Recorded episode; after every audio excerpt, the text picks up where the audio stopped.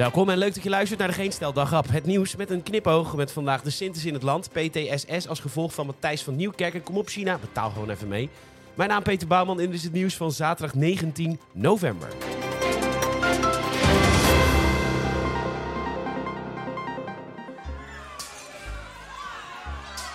Ach, het is weer die heerlijke tijd van het jaar. Wij zijn naar Staphorst getogen om de Goedheiligman te verwelkomen in Nederland. Wat een vrolijke bedoeling met al die lieve, vrolijke kindertjes die snoepgoed krijgen van Pietermannen en Pietervrouw. Ho! Zie ik daar nou een pepernoot door de lucht vliegen of een baksteen? En hoor ik daar nou, hallo lieve Sint, of valt dood minnen kankerleier? Nou, het is allemaal moeilijk te zien of te horen, maar feit blijft wel. De Sint is weer in het land en dat is winst voor ieder kind.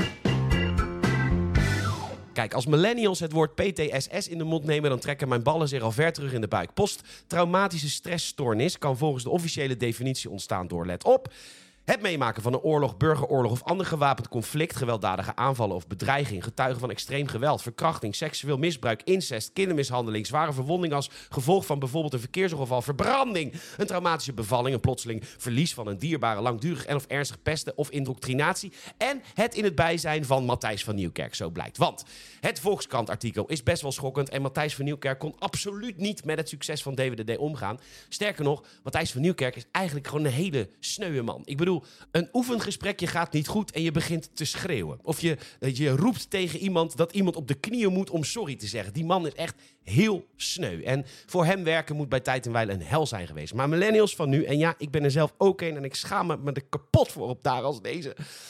Want hoe is het in godsnaam mogelijk dat als iemand je vraagt om door de knieën te gaan om sorry te zeggen, dat je niet in huilen van het lachen uitbarst om vervolgens te zeggen: Hey Pipo, seniele oude vent, veel plezier met je programma. En de volgende dag laat je een taart bezorgen met een foto van Kim Jong-un of zo. Weet ik veel, de constante angst om ontslagen te worden. Want ja, als je bij DWDD werkte, dan gingen natuurlijk alle deuren open. Je was natuurlijk lekker het gesprek van elke verjaardag. Ja, nou en? Dat wil je toch niet als je zo behandeld wordt? Dus daarom krijg ik altijd jeuken als millennials het woord PTSS gebruiken. En al die voorbeelden die PTSS veroorzaken, komt namelijk één ding overeen. Het overkomt je. Oorlog, verkrachting, een zware bevalling. Kun je helemaal niks aan doen. Maar bij millennials wordt PTSS altijd gebruikt bij iets waar ze zelf voor hebben gekozen. De keuze om slachtoffer te zijn van een hele nare, vervelende man. Een vervelende, ja-knikkende eindredacteur. Kiezen voor het slachtofferschap en dan maar doen alsof je er niks aan kan doen. Alsof Freek Vonk over tien jaar naar de Volkskrant gaat en zijn verhaal doet over die gemene leeuw die doorbeet toen Freek zijn hoofd in zijn bek stapt daar.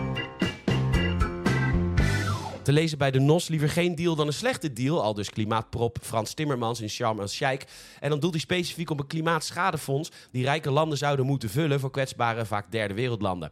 Amerika was fel tegen, maar is nu aan boord, winst. Maar het is nu wachten op China, dat formeel nog als derde wereldland wordt gezien. Maar dat is natuurlijk totaal gelul. Ik bedoel, een derde wereldland heeft echt niet het geld... om de komende jaren 1171 nieuwe kolencentrales te bouwen. Ik bedoel, als je, als je echt zoveel geld hebt dat je 1171 kolencentrales kunt bouwen... dan kun je ook wel wat geld missen om armere landen te helpen bij jouw uitstoot van 1171 nieuwe kolencentrales.